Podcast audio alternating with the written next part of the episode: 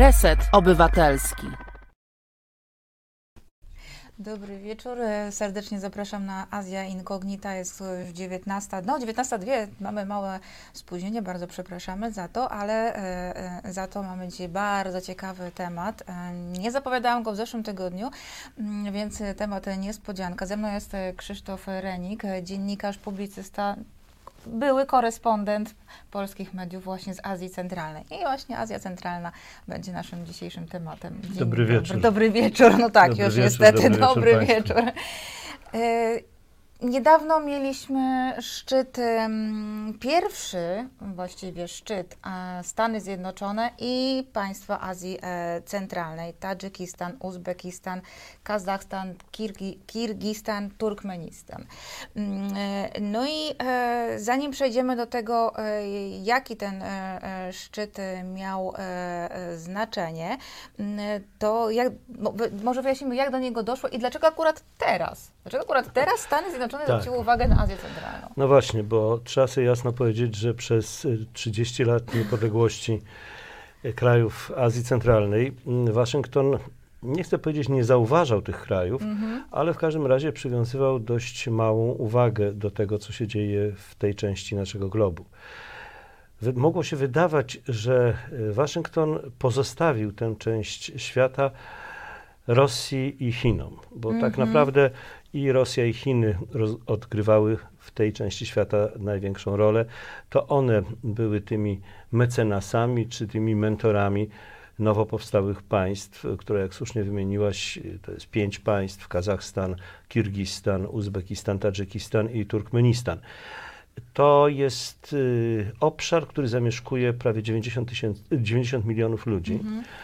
Więc mogłoby się wydawać, że z punktu widzenia takiej geopolityki, to to mało jest, bo to jest 90 milionów ludzi na tak ogromnym obszarze. Bo pamiętajmy, że Kazachstan to jest y, nie, wiem, chyba jedna trzecia Europy, a może i lepiej.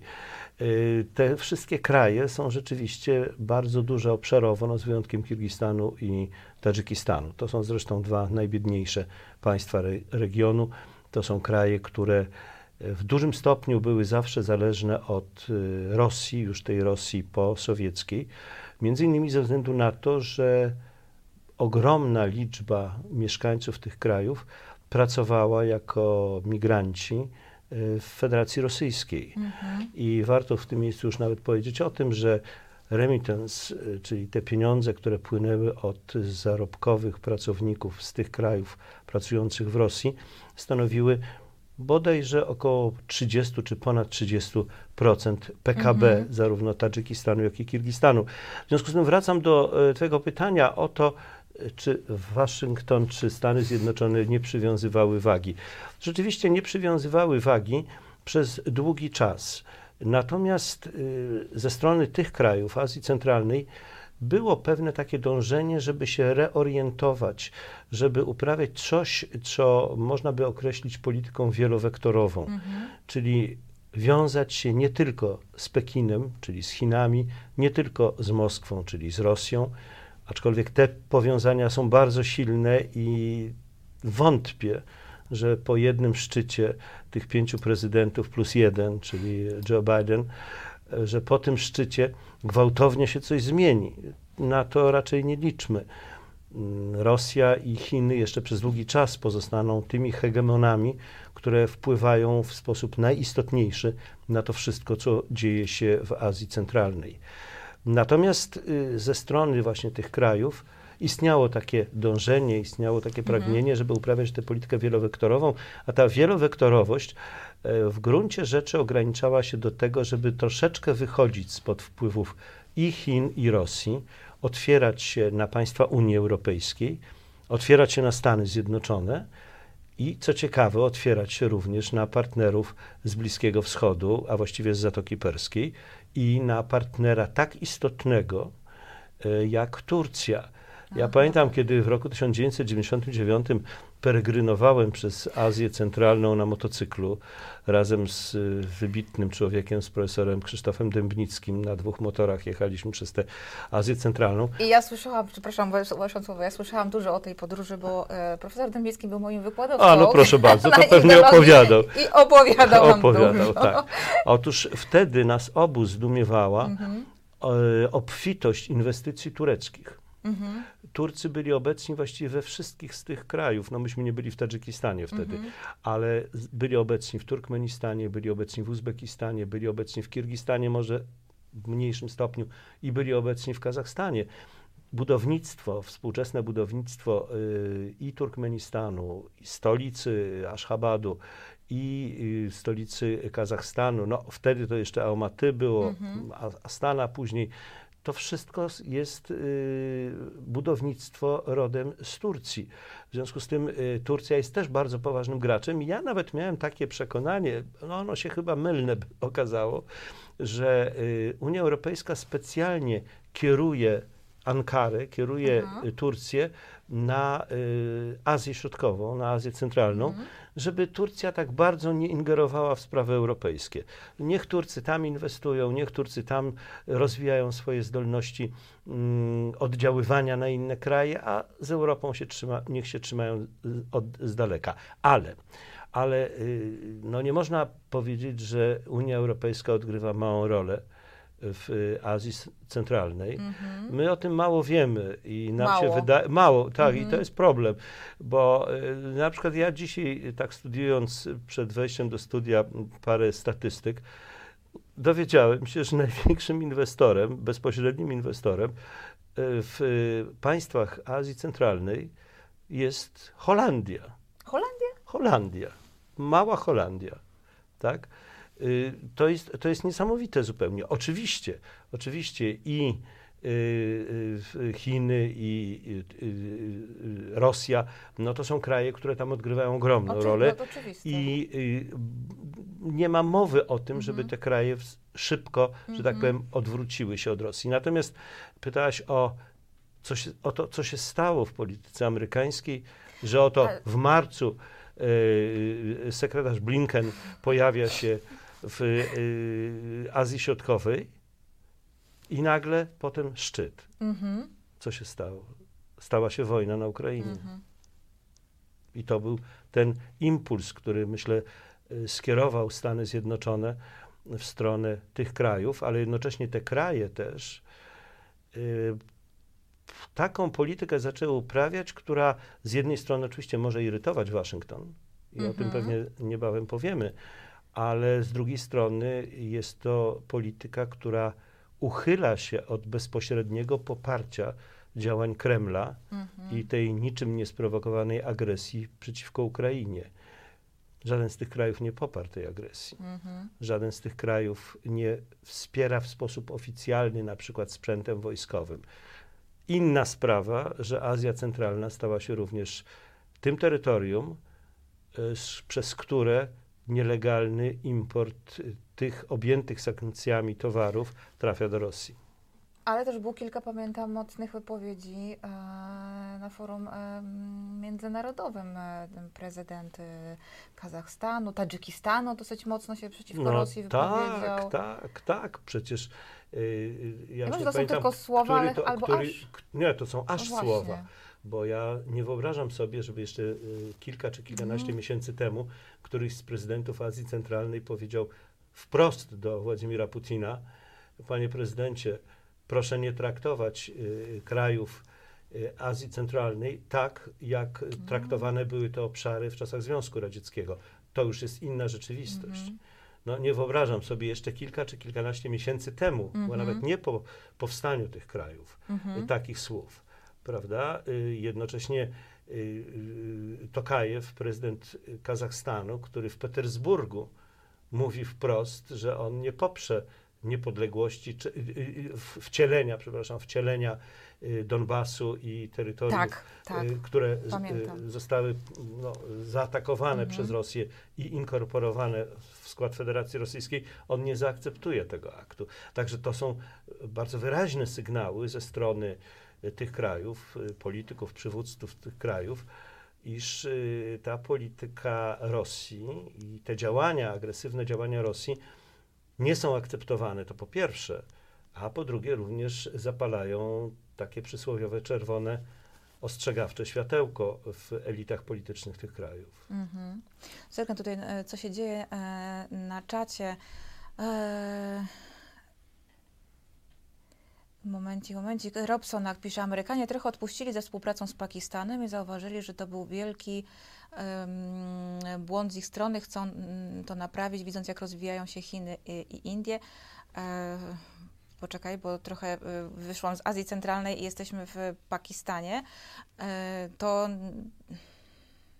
No tak, to, to jest, To- to, to, jest bardzo słuszna uwaga. Tak, To jest e, bardzo słuszna uwaga, bo rzeczywiście w pewnym momencie Stany Zjednoczone uznały, że polityka Pakistanu zaczyna być w jakimś stopniu sprzeczna z interesami e, Stanów Zjednoczonych. No bo Salman, e, Boże, Salman Khan, co ja mówię? E, Imran Khan, przepraszam, wczoraj powiedziałam o... Okej, Imran Khan bardzo mocno był, no jednak antyamerykański. Oczywiście, ja pamiętam, mam w moim dźwiękowym archiwum takie nagranie Imran Khana z czasów, kiedy jeszcze nie był premierem. Aha. jeszcze nie był premierem. I kiedy Imran Khan w sposób bardzo rygorystyczny, kategoryczny wypowiadał się przeciwko amerykańskim nalotom, Mhm. nalotom dronów na terytoria plemienne graniczące y, z Afganistanem.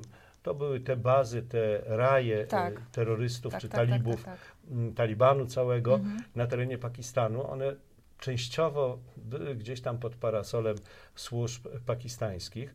Amerykanie bombardowali te obszary, niszcząc komórki i Al-Kaidy, i Talibanu.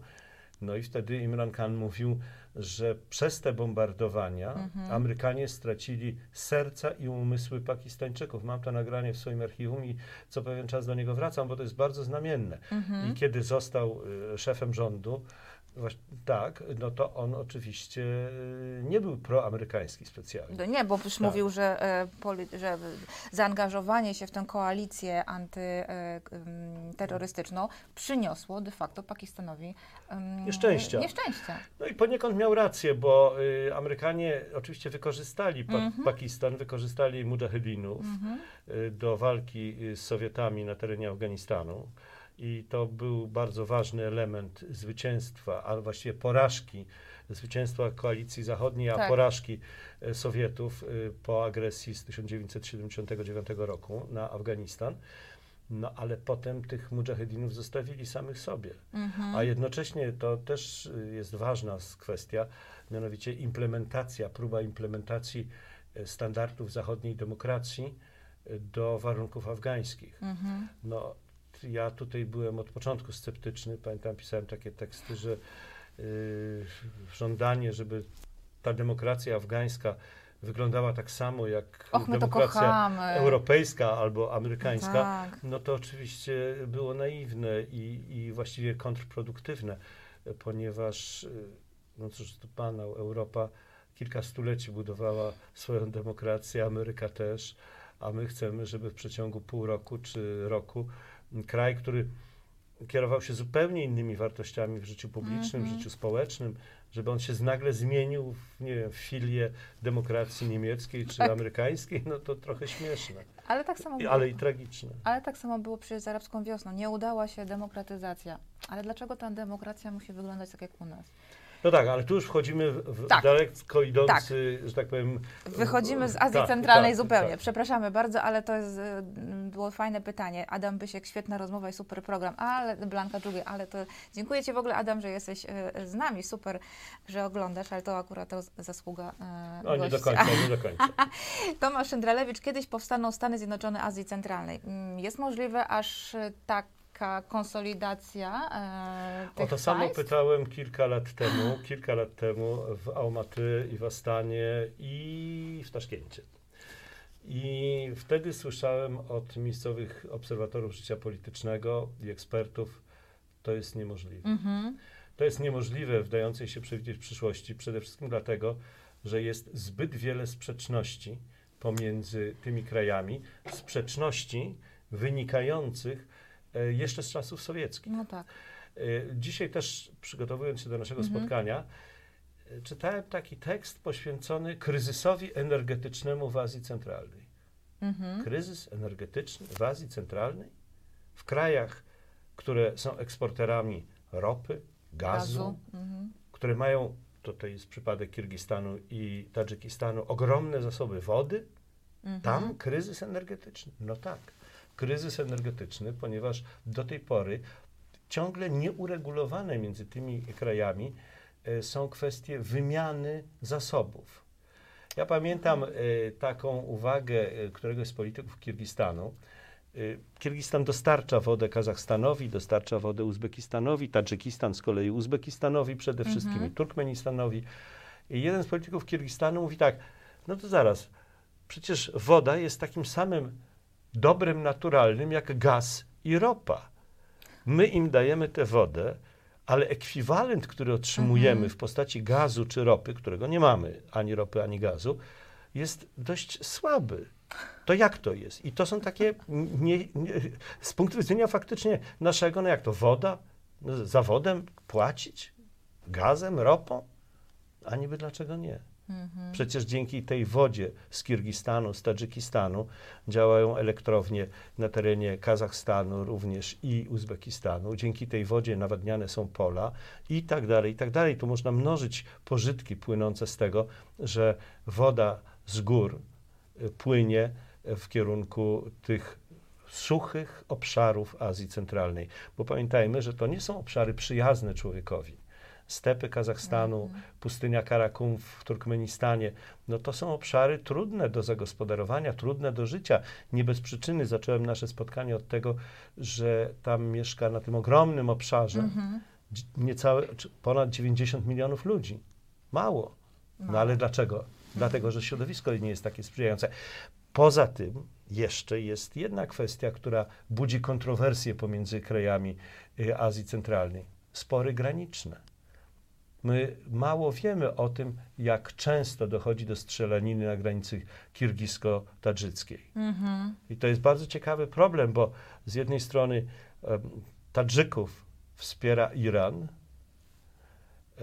z kolei y, Kirgistan wspiera Rosja w tych y, Tak. ewentualnych y, wojenkach granicznych. Ale Iran i Rosja to teraz sojusznicy. No właśnie. I tutaj dochodzi do grę. sprzeczności. Mamy grę, która no może nie jest wielką grą, grą z czasów XIX wieku, wielką gr, grą o Azję Centralną, ale jest jakąś grą o Azję Centralną z całą pewnością. Także odpowiadając na to pytanie, bardzo zresztą ważne, interesujące, mm, to bym powiedział, że chyba to jest bardzo trudny proces. Oczywiście w tej chwili są takie tendencje y, wśród polityków Mhm. Azji Centralnej, żeby jednak integrować pewne procesy y, gospodarcze, infrastrukturalne. No i tutaj oczywiście ogromną rolę mogą odegrać Chiny. Mogą odegrać Chiny, które po pierwsze w Azji Centralnej widzą bardzo ważny element swojej koncepcji, swojej idei Pasa i szlaku. pasa i szlaku, tak, nowego jedwabnego szlaku, a właściwie nowych jedwabnych szlaków, bo to przecież nie jest tylko jedna droga, Mhm. tylko cała siatka dróg. No, niedawno podpisane zostało porozumienie o budowie y, kolei z Chin przez Kirgistan do Uzbekistanu. Ta kolej w takich planach dalekosiężnych miałaby biec potem do Turkmenistanu, a dalej do Azerbejdżanu, Mhm. y, Turcji, no i być może, być może dotrze do Europy. A To jest konkurencja im rośnie. Ten z Indii ma być przecież euro, indoeuropejski, tak, indoeuropejski korytarz, Mhm. tak. Ciekawe Ale bardzo. z czego to wszystko wynika? Mhm. Bo to jest y, chyba najistotniejsze. Otóż to wynika z chińskiego rozczarowania polityką rosyjską. Mhm. Bo my co prawda co pewien czas słyszymy o dozgonnej przyjaźni, bez granic i tak dalej, i tak dalej. No ale Chiny chyba już pojęły, że ten szlak wytyczony przez kolej transsyberyjską nie jest jedyny, nie powinien być jedyny, że warto mieć Tak. alternatywę, albo warto mieć w ogóle wiele możliwości poza tą alternatywą tak zwanego korytarza środkowego i kolei transsyberyjskiej. W związku z tym wydaje się, że y, to Chiny poprzez swoje projekty infrastrukturalne, które oczywiście y, będą kredytowane i to jest zagrożenie dla krajów Azji Centralnej, Mhm. ale poprzez te projekty będą dążyły do pewnej integracji całego tego obszaru. Zagrożenie jest oczywiste. Kredyty, których być może nie da się spłacić. Tu już Tadżykistan zapłacił za to ponad tysiącem kilometrów kwadratowych e, swojej powierzchni, Mhm. bo nie był w stanie spłacać kredytów. No i Dushanbe dogadało się z Pekinem, że oddadzą kawałek terytorium Tadżykistanu we władanie Chin. Tam jest jakaś chińska baza, która, z której Chińczycy obserwują to, co się dzieje w korytarzu wahańskim, Mhm. czyli w tym wąskim skrawku lądu, który wrzyna się pomiędzy Tadżykistan, Afganistan i Pakistan. A Także- muszą pilnować tego bardzo no muszą mocno. pilnować, ponieważ i to jest znowu, y, bo musimy wrócić w końcu do, do tej Ameryki, Tak, tak, bo tak gadamy o tym, a a, być a, no, Ameryka i Azja Centralna.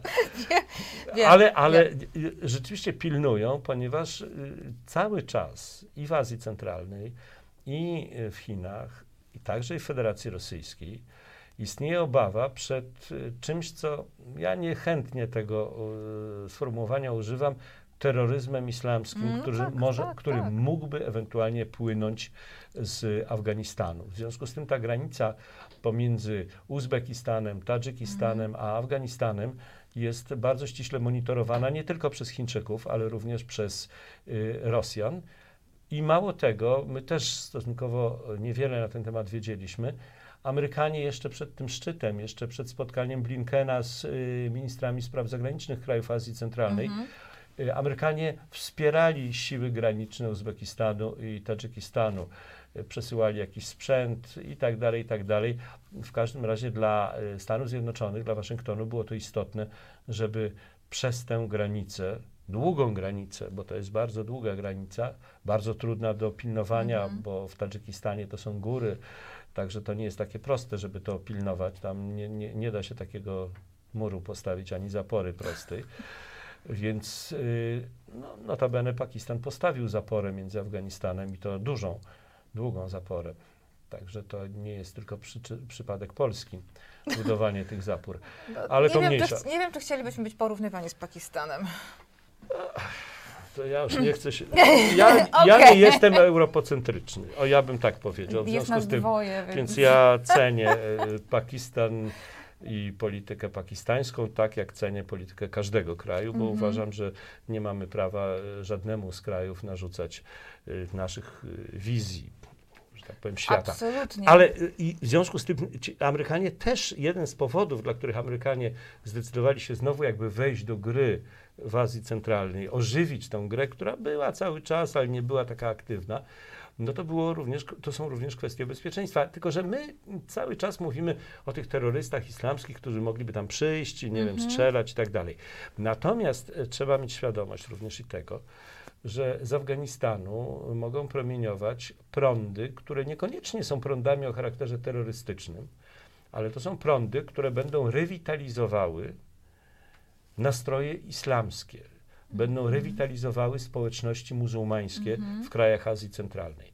No i paradoksalnie tego się też w gruncie rzeczy i Federacja Rosyjska, i Chiny, i do tego wszystkiego jeszcze pewnie Europa Zachodnia też boi, bo my do islamu niestety mamy, mówię niestety, bo uważam, że to jest trochę przesada, mamy stosunek taki szalnie negatywny, że to Mhm. właśnie tylko e, terroryści, tylko jacyś tam zbrodniarze, którzy będą nas tu niszczyć na pewno i tak dalej, i tak dalej.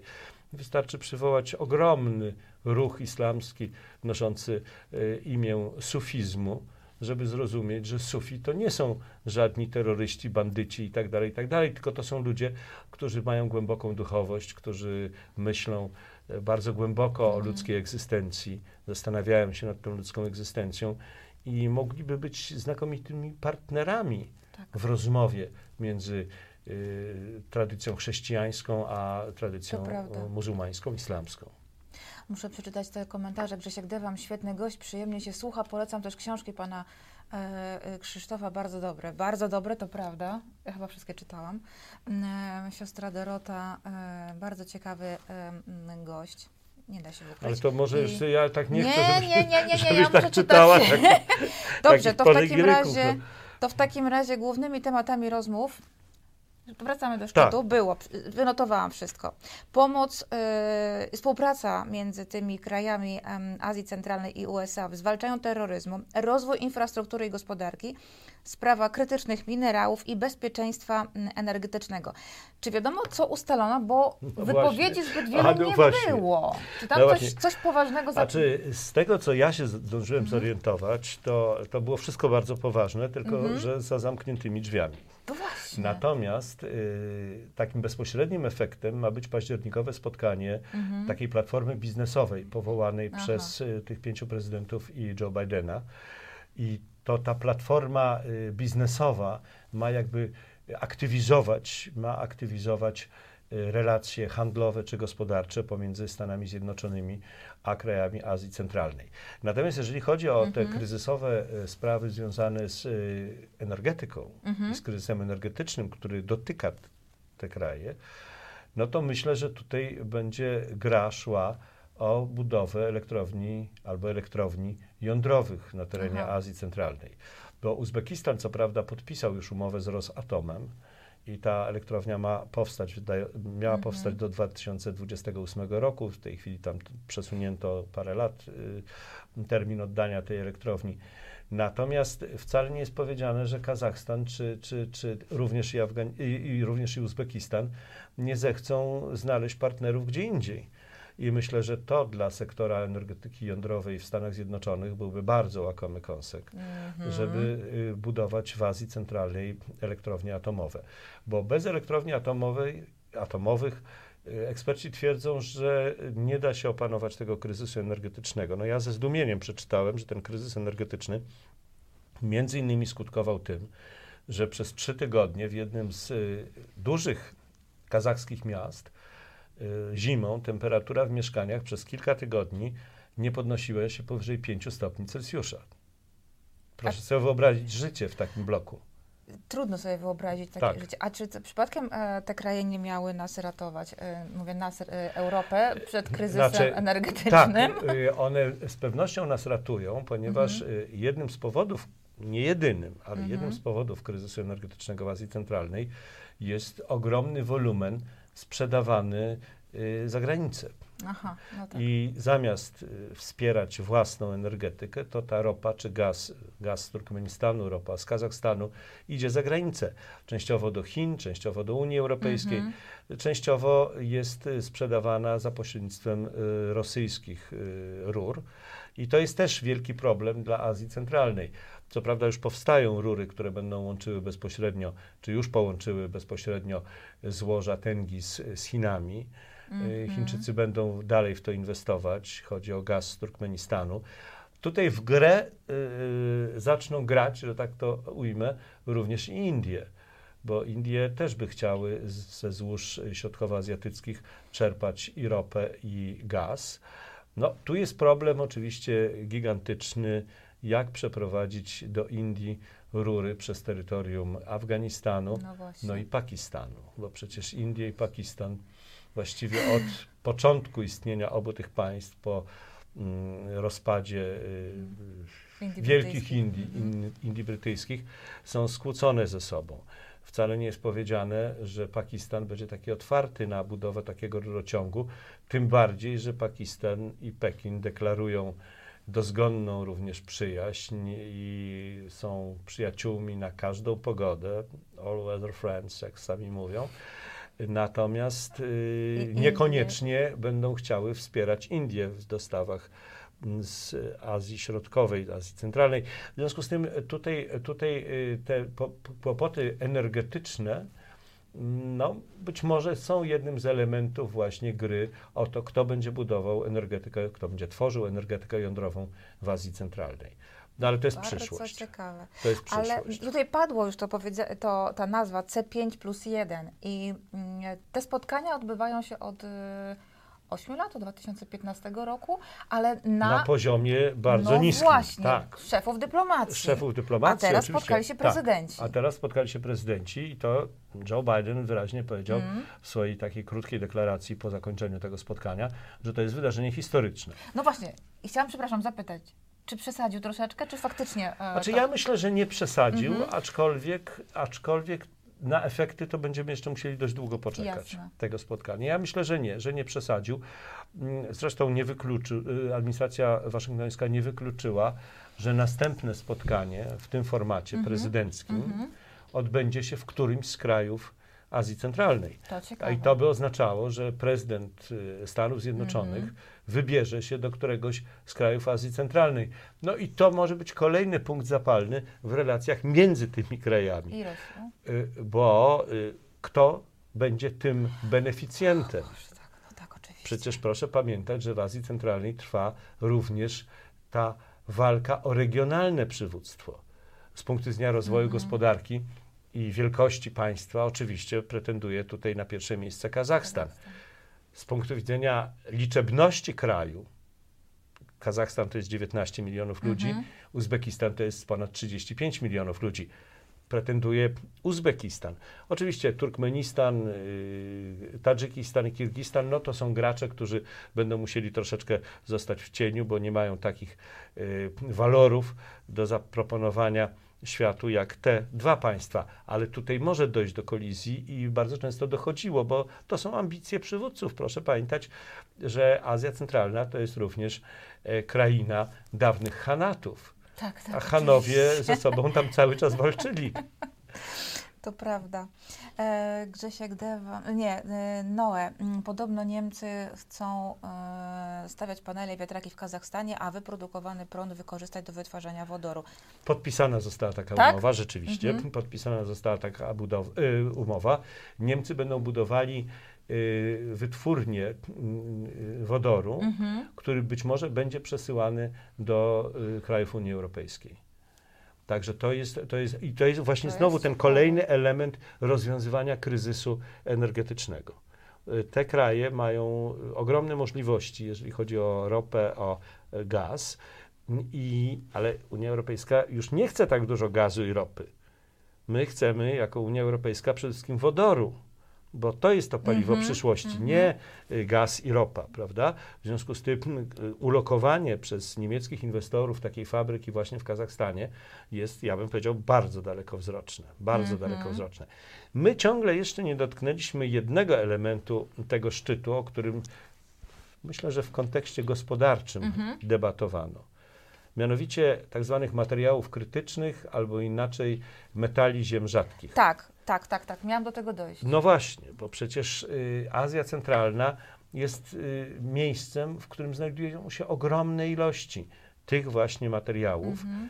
tych pierwiastków, tych, tych metali potrzebnych y, do współczesnej elektroniki. Mhm. Ameryka przez długi czas, właściwie mówię, powiem to tak brzydko, wisiała na dostawach z Chin. Mhm. Teraz przy tej zaostrzającej się Mhm. konkurencji i rywalizacji pomiędzy Chinami i Stanami Zjednoczonymi, rywalizacji, która może doprowadzić do konfliktu zbrojnego również. I to nie chodzi tylko i i wyłącznie o Tajwan i ewentualną Tak, tak, rozumiem. aneksję Mhm. y, chińską skierowaną przeciwko Tajwanowi. Tu chodzi również o przywództwo w świecie. Mhm. Chiny już od dawna uważają, że ten porządek, w którym jest Ameryka, y, Pax Americana obowiązują w świecie, to jest przeżytek. To jest przeżytek. Jest mocarstwo, które już właściwie niebawem, jeżeli chodzi o PKB, dorówna Stanom Zjednoczonym. A jeżeli chodzi o technologię, to pewnie jeszcze nie.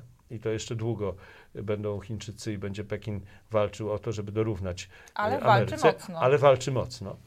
W związku z tym y, wydaje się, że mm, tutaj y, to oderwanie się od metali ziem rzadkich pochodzących właśnie z Chin y, dla przemysłu amerykańskiego, dla elektroniki amerykańskiej jest niezwykle y, ważne i korzystne. Także ten element na pewno będzie i w to z całą pewnością sektor biznesowy będzie inwestował, żeby tam powstawały y, możliwości wydobycia tych Mhm. pierwiastków ziem rzadkich.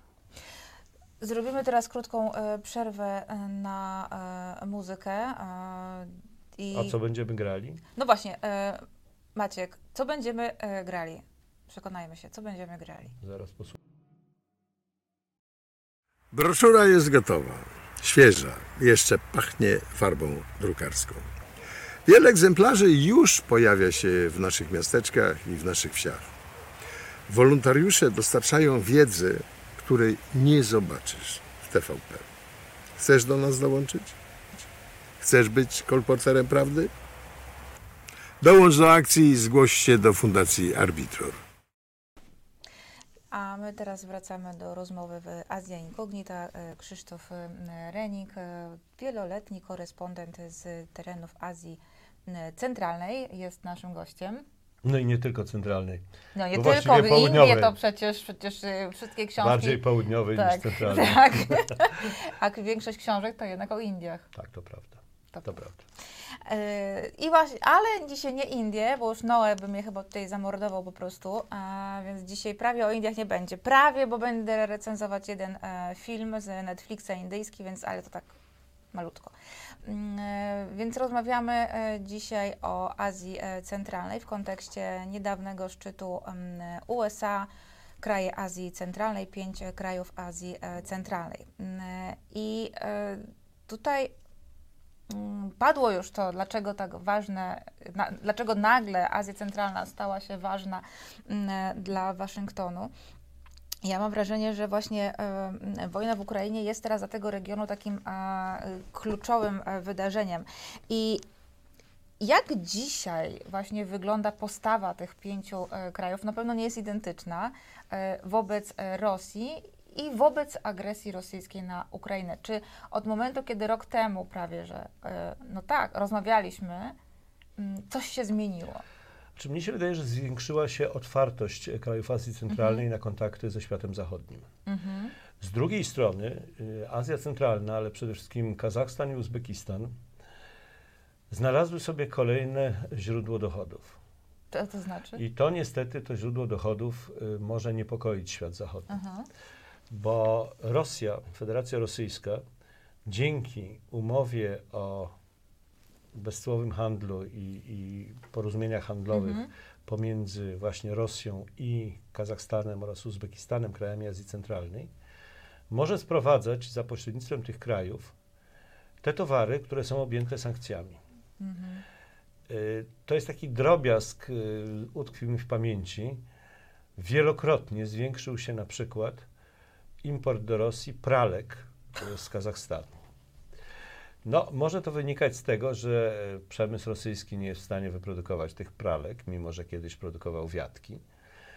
Ale może to również wynikać z tego, że te pralki wcale nie są wykorzystywane Mhm. do prania czegokolwiek, tylko z tych y, pralek bardziej złożonych wmontowywane są chipy, które są potem instalowane w prymitywnych, bo prymitywnych, ale jakichś y, dronach czy y, Mhm. elementach wyposażenia wojskowego. Mhm. To oczywiście są prymitywne wtedy konstrukcje, no ale one jednak są.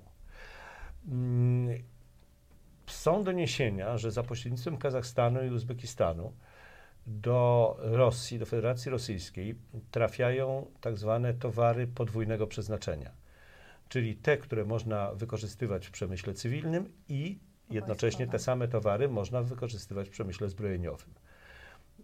Oczywiście Kazachstan y, i Uzbekistan zarabiają na tym. Kirgistan też nie pozostaje tutaj na boku. To są duże dochody do y, budżetów tych państw.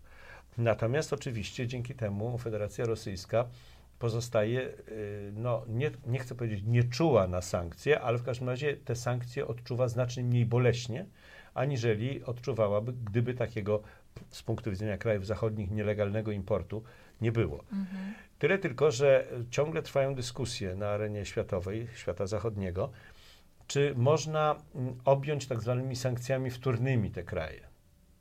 I nie ulega wątpliwości, że w czasie tego szczytu, za zamkniętymi drzwiami, Mhm. szczytu z tymi pięcioma prezydentami, e, amerykański prezydent Joe Biden z całą pewnością poruszał ten temat, bo to jest temat, który powoduje, że Rosja może przedłużać, może kontynuować tę bezprawną wojnę wypowiedzianą, czy niewypowiedzianą, ale zaatakowanej Ukrainie. W związku z tym to na pewno jest wielki problem. Z drugiej strony też ciekawe jest to, że Rosja w dużym stopniu e, idzie na e, pewną politykę współpracy z krajami Azji Centralnej, mimo że kiedyś była takim hegemonem i w tamtych stolicach nie działo się nic bez zgody Rosji. Mhm. E, Teraz to Rosja w jakimś stopniu zabiega o to, żeby pracownicy z Tadżykistanu czy z Kirgistanu zarabiali pieniądze i wysyłali te pieniądze do swoich krajów macierzystych. To oczywiście powoduje, że i Kirgistan, i Tadżykistan są zadowolone, i Rosja przyciąga tych ludzi. Potem wabi ich na przykład, że po roku y, służby wojskowej oni mogą dostać obywatelstwo rosyjskie. A trzeba pamiętać, że y, kraje takie jak Tadżykistan i Kirgistan, one właściwie żyją w permanentnym kryzysie gospodarczym. Mhm. Te gospodarki nie potrafiły się przestawić na gospodarkę wolno- rynkową. Powiązania mm, tych krajów dawnymi nitkami y, związków ekonomicznych, gospodarczych z byłym hegemonem, czyli z Federacją Rosyjską, są na tyle silne, że mm, te kraje nie bardzo sobie dają radę bez tych kontaktów. No, najlepszy dowód y, to jest też taka polityka y, Kazachstanu i Uzbekistanu, bardzo, ja bym powiedział, brzydkie słowo, powiem, chytra azjatycka. Mianowicie y, y, Moskwa zaproponowała tym krajom tak zwany sojusz gazowy, że Mhm. oni wspólnie wybudują rury do Chin i tak dalej, i tak dalej. Z punktu widzenia Kazachstanu i również Uzbekistanu jest to nęcąca propozycja, ponieważ ten kryzys energetyczny, o którym wspominaliśmy, dotyka te kraje i ten gaz z Syberii Mhm. byłby dość pożądany. Z drugiej wszakże strony, zrobienie takiej rury tranzytowej Mhm. pod przewodnictwem Rosji do Chin, e, prędzej czy później skutkowałoby tym, że te kraje znalazłyby się w orbicie wpływów już nie tylko gospodarczych, ale i politycznych Federacji Rosyjskiej. W Mhm. związku z tym e, ta chytrość azjatycka przejawiła się w tym, że oni co prawda się zgodzili na budowę tej rury jakiejś, ale tylko do Uzbekistanu i zgodzili się na to, że y, no to będzie ta rura, oni będą tam współpracować, ale żadnego sojuszu gazowego w tej chwili nie ma. To jest marzenie Kremla, ale na razie mowy o tym nie ma. Mm, Także wydaje się, że y, pytałaś o to, y, co się zmieniło Mhm. od ubiegłego roku. Wydaje mi się, że jednak to czerwone światełko, o którym rok temu rozmawialiśmy, pali się jeszcze mocniej Mhm. szczególnie po wypowiedziach części polityków rosyjskich, którzy tam mówią o Pietropawłowsku, o północnym Kazachstanie, że to istino ruska ziemia i tak dalej, i tak dalej, że y, te kraje zrozumiały, że otwarcie na świat, ten świat zachodni, ten świat y, no, demokratyczny, mm, jest jedną z gwarancji tego, że integralność y, i suwerenność tych państw nie będzie zakwestionowana przez byłego hegemona. Bo przypadek Ukrainy uświadomił stolicom mm, centralnoazjatyckim, że to nie jest nic, że, że ta- ta, rzeczywistość po upadku Związku Sowieckiego nie jest dana raz na zawsze. Mhm. Że może się stać inaczej, że mogą być następni. Mhm. Pewnie Rosja w tej chwili pewnie nie miałaby siły, żeby zaatakować tamte kraje. No ale z drugiej strony e, e, Kazachstan swego czasu wykazał słabość struktur bezpieczeństwa, kiedy prosił o pomoc e, niby ten układ organizacji o zbiorowym bezpieczeństwie, kiedy to były te zamieszki w miastach kazachskich. No tak. Ale tak naprawdę to przecież to pacyfikowały te zamieszki siły rosyjskie. I bardzo szybko się tam Bardzo pojawiły. szybko, tak? Mhm. Także y, Kazachstan też zrozumiał, Mhm. że w zestawieniu z Rosją to ich możliwości y, militarne są po prostu znikome. Mhm. Notabene współpraca Iranu z Tadżykistanem czy Turcji z Kirgistanem e, sprawia, że te dwa kraje zaczynają już mieć dostęp do broni, no może nie stricte zachodniej, ale jednak broni. y, Nie z pralki. nie, tak, nie z pralki, Mhm. właśnie, nie z pralki, to prawda. Mhm. To y, w takim razie, bo widzę, że tutaj są jest czterech graczy i ta piątka y, leżąca na stole i czterech graczy, czyli mamy Rosję, Chiny, Turcję i Stany y, Zjednoczone No Ameryki. jeszcze musimy powiedzieć o Indiach.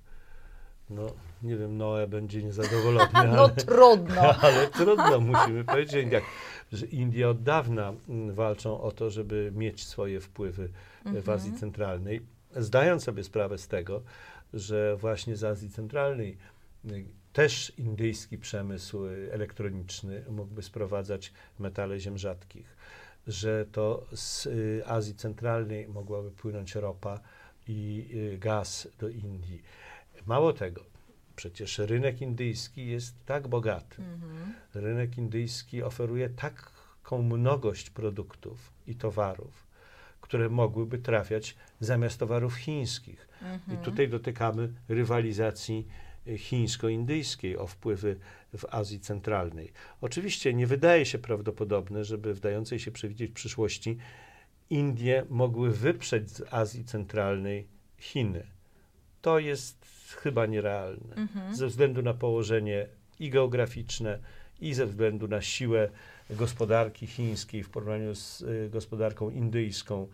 No i na wiele, wiele innych jeszcze y, kwestii. Ale gospodarka chińska ma się teraz całkiem, nie najgo, całkiem Nie- słabo, a indyjska się bardzo Bo- mocno tak, odbija po tak, COVID-zie. y, Tak, chińska gospodarka się powoli zwija, nawet Mhm. bym powiedział. Natomiast indyjska nie. Indyjska się rozwija. No ma tak, tylko że. z pięciu największych. Tak, tylko że właśnie tu dotykamy znowu kwestii, w którą stronę Indie będą Mhm. e, żeglowały. Czy w stronę, no w stronę Chin to nie będą żeglowały, bo to są dwaj odwieczni rywale w. Azji i nie będą żeglowały. Czy będą żeglowały w stronę tradycyjnych kontaktów z Moskwą, bo przecież takie były.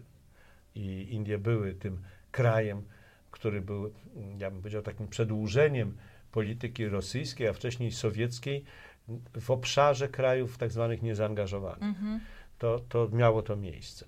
No ale od dawna już Indie zwracają się bardziej w stronę zachodu też.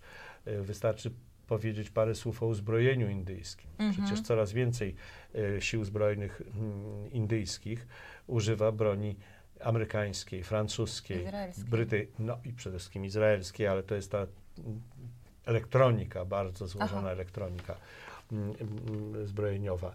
Także, także wydaje się, że tutaj Stany Zjednoczone, Indie mogą y, w pewien sposób być przeciwwagą, nie szybko, nie Mhm. natychmiast, ale jakąś przeciwwagą dla wpływów y, chińskich czy rosyjskich w Azji Centralnej. Ale mnie się wydaje, że warto jeszcze powiedzieć o jednej rzeczy. Dlaczego w ogóle ta Azja Centralna jest taka ważna? No, Bo nie tylko tam metale ziem rzadkich, ropa, gaz. Mhm. To jest najkrótsza droga z Azji, dalekiej Azji, z Chin, z Indii do Europy. Na rynek europejski. Nie bez przyczyny Euro- my o Europie w ogóle nie mówimy, zapominamy o Europie. Ja powiedziałem o tej Holandii, ale proszę mi wierzyć, że 40% y, inwestycji, bezpośrednich inwestycji na terenie Azji Centralnej to są inwestycje pochodzące z Unii Europejskiej. Mhm. 40%. To jest dużo. To jest bardzo dużo. Mhm. To ani Chiny tyle nie mają, Tak. ani y, Rosja, nie mówiąc już o Stanach Zjednoczonych. Mhm. I teraz y, rzeczywiście y, z punktu widzenia Unii Europejskiej i wzmocnienia Unii Europejskiej, to Azja Centralna odgrywa bardzo, bardzo istotne znaczenie. I myślę, że Unia Europejska doskonale sobie z tego zdaje sprawę, między innymi y, przez fakt, że tak dużo tych inwestycji jest. My znowu rzadko o tym mówimy, że Europejczycy inwestują w Azji Centralnej, że to jest y, rynek bardzo obiecujący i tak dalej, i tak dalej. Natomiast Unia Europejska chyba to wie. I ten tranzyt przez Azję Centralną może zmieniać w ogóle porządek świata. Jeżeli tam będzie spokój, jeżeli tam nie Mhm. będzie y, konfliktów granicznych, nie będzie konfliktów wewnętrznych pomiędzy tymi pięcioma krajami, to może się okazać, że ta chińs- to chińskie marzenie o odrodzeniu jedwabnego szlaku będzie korzystne dla wszystkich. Oczywiście, jeżeli Chiny nie będą chciały y, twardą ręką, y, że tak powiem, zadłużenia tych krajów, kontrolować wszystkiego i wszystkich. Ale jeżeli będą otwarte na współpracę z Unią Europejską w sposób cywilizowany, jeżeli będą otwierały swoje rynki dla produktów europejskich, to może się okazać, że kluczowym punktem będzie ta wymiana towarowa biegnąca przez kraje Azji Centralnej. Chyba muszą y, przy tej rywalizacji e, z Ameryką, ze Stanami Zjednoczonymi. Tak, tylko że Chiny są w lepszej sytuacji, jeżeli chodzi o Azję Centralną, aniżeli Stany Zjednoczone. Oczywiście.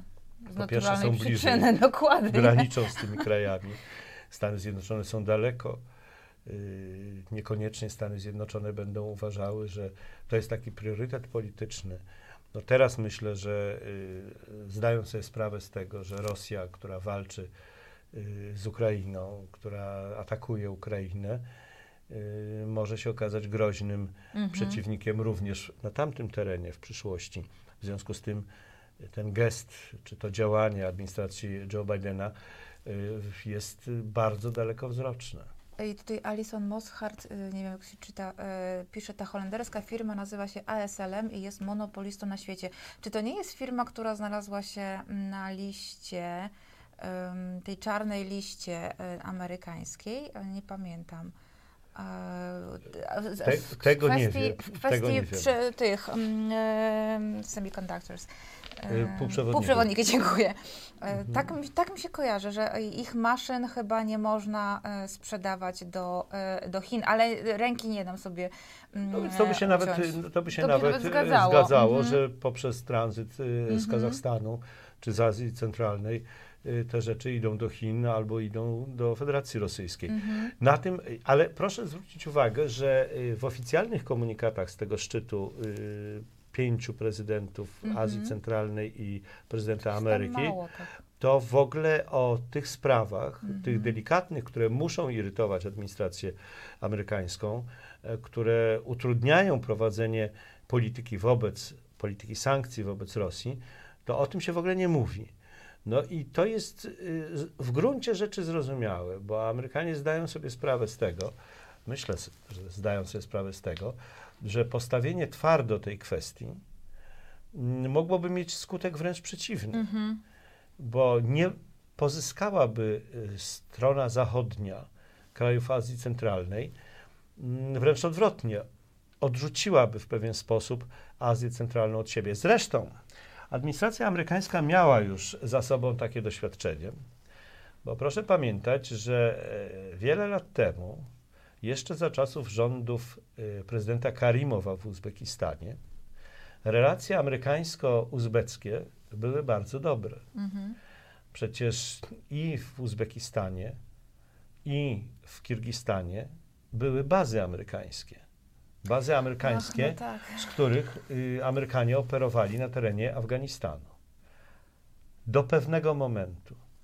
A tym momentem były tragiczne wydarzenia w Ferganie, Mhm. kiedy doszło do buntów na pograniczu uzbecko-tadżycko-kirgiskim, kiedy Fergana zapłonęła, Mhm. a prezydent Karimow przy pomocy niezwykle brutalnej pacyfikacji zaprowadził tam ciszę, bo nie chciałem, Mhm. nie chciałem powiedzieć, nie, nie chcę mówić spokój i pokój, No tylko tak. ciszę. Ciszę. I wtedy administracja amerykańska wydała bardzo wiele komunikatów potępiających mm, działania prezydenta Karimowa i władz Uzbekistanu, że zostały złamane prawa człowieka i tak dalej, i tak dalej, i tak dalej. Efekt był krótki, bardzo szybki. Karimow wypowiedział umowy na stacjonowanie sił amerykańskich w y, Uzbekistanie i bardzo szybko Amerykanie musieli opuścić Uzbekistan. Więc wydaje mi się, że to jest trochę taka, ja nie mogę tego cytować tutaj na antenie, ale to jest taka, my wiemy, że on jest, ale to on jest nasz. Więc y, to jest ta Mhm. nauczka, którą myślę y, Mhm. Waszyngton wyciągnął z tamtego wydarzenia, kiedy no właśnie w imię pryncypiów, w imię zasad, bo to nie jest płacha sprawa, zasady, pryncypia, protestował przeciwko tej brutalnej pacyfikacji, no ale z punktu widzenia politycznych działań i skuteczności politycznej na tamtym terenie poniósł porażkę. Baza musiała zostać zwinięta, potem dość szybko również i w Kirgistanie została zwinięta i właściwie trzeba było bardzo dużych zabiegów dyplomatycznych, żeby część personelu wojskowego wycofującego się i sprzętu wycofującego się z Afganistanu Mhm. e, po przekazaniu władzy prezydentowi Karzajowi e, mogła wrócić transportem lądowym przez kraje Azji Centralnej do e, Europy. Jasne, To nie było takie proste wtedy. W związku z tym wydaje się, że y, Amerykanie jakby w pewien sposób odrobili lekcję i no Mhm. dobrze, o tym nie mówimy, to nas denerwuje, dajemy sygnały, ale dajmy najpierw y, zamiast kija, to dajmy marchewkę. będziemy współpracować, będziemy inwestować, będziemy wspierać Was w ewentualnej walce czy w zagrożeniu mm, terroryzmem islamskim i tak dalej, i tak dalej. No i może przez to Wy zrozumiecie, że ten nielegalny z naszego punktu widzenia, z punktu widzenia sank- y, polityki sankcji, eksport do y, Rosji jest niewłaściwy. Ja nie wiem, może ja jestem naiwny w tym całym myśleniu. Nie, ale to, to, naiwność, ale to ma głęboki e, sens. E, jeszcze tylko chciałam, tutaj jest pytanie od kapitana Stratforda, ja zaraz je zadam, natomiast e, chciałabym jeszcze... E, za, tak, e, pisze sto, o stosunku, e, pyta, rozumiem, stosunek państw środkowoazjatyckich e, e, do Iranu. Faktycznie mówiliśmy tylko o jednym. Tak, no to znaczy, wydaje się, że jeżeli chodzi o Tadżykistan, Mhm. no to politycy y, w Tadżykistanie z radością przyjmują y, pomoc militarną ze strony Iranu. Mhm. Natomiast y, ja myślę, że znaczy moje obserwacje w Azji Centralnej wskazują na to, że jednak mimo pewnej rewitalizacji islamu, Mhm. mimo pewnej odbudowy świadomości y, islamskiej w krajach Azji Centralnej, w tych społeczeństwach jest bardzo silna obawa przed fundamentalizmem Aha. islamskim. I y, wzorzec Iranu, y, kraju, który byłby, y, który jest krajem no jednak ajatollahów, Absolutnie. To ten wzorzec w krajach Azji Centralnej raczej by się nie przyjął Mhm. i y, obawy i społeczeństw, i elit Mhm. politycznych są tutaj dość do siebie zbliżone.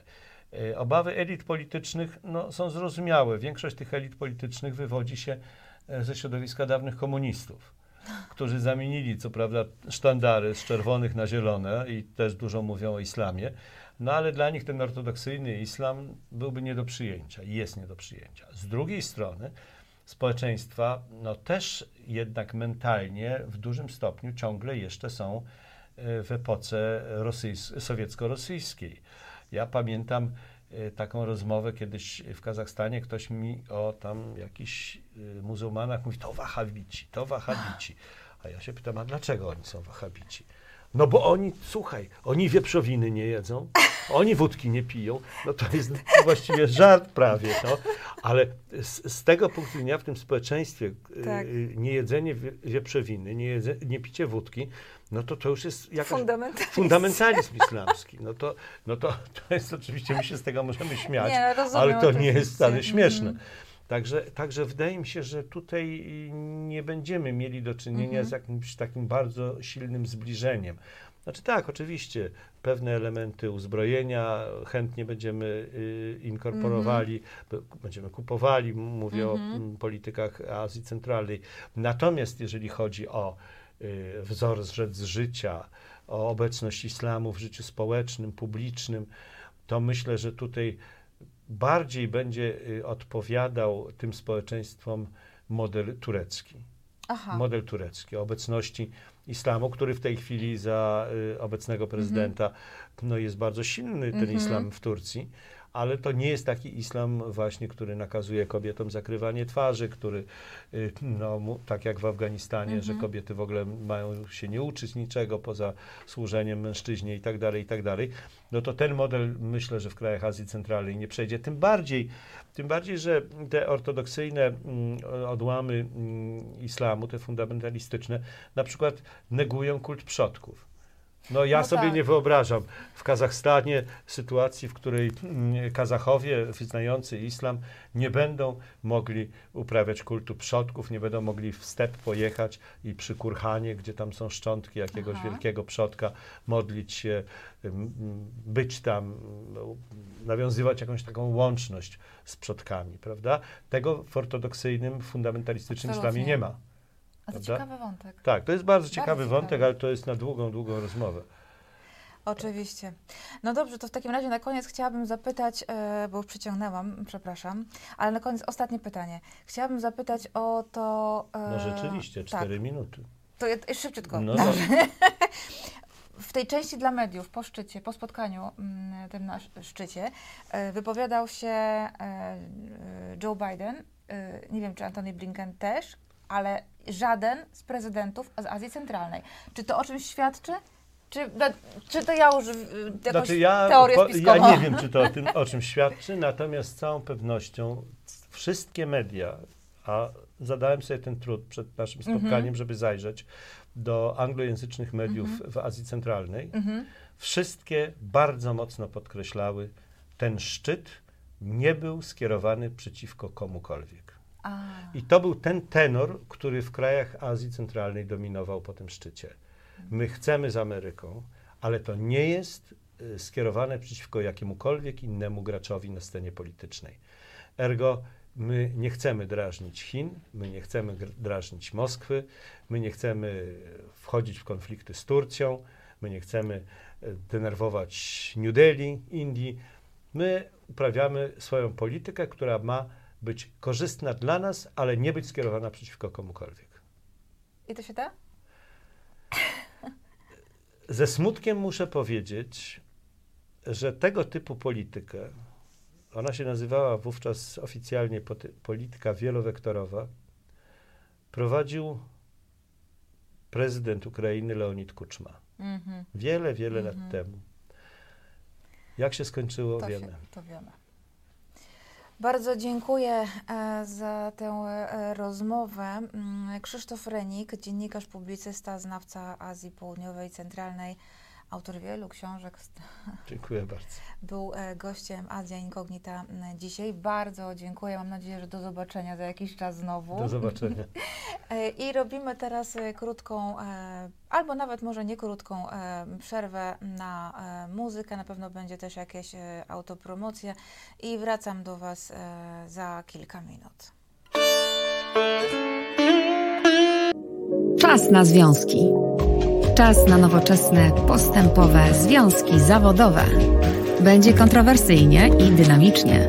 Rozmawiamy o sprawach, które mogą nas łączyć lub dzielić, jak na przykład kwestia wysokości podatków czy rola związków zawodowych. W programie pojawią się eksperci rynku pracy oraz związkowcy i związkowczynie. Każdą środę na 17 Piotr Szumlewicz zaprasza do Resetu Obywatelskiego. Broszura jest gotowa, świeża, jeszcze pachnie farbą drukarską. Wiele egzemplarzy już pojawia się w naszych miasteczkach i w naszych wsiach. Wolontariusze dostarczają wiedzy, której nie zobaczysz w TVP. Chcesz do nas dołączyć? Chcesz być kolporterem prawdy? Dołącz do akcji i zgłoś się do Fundacji Arbitror.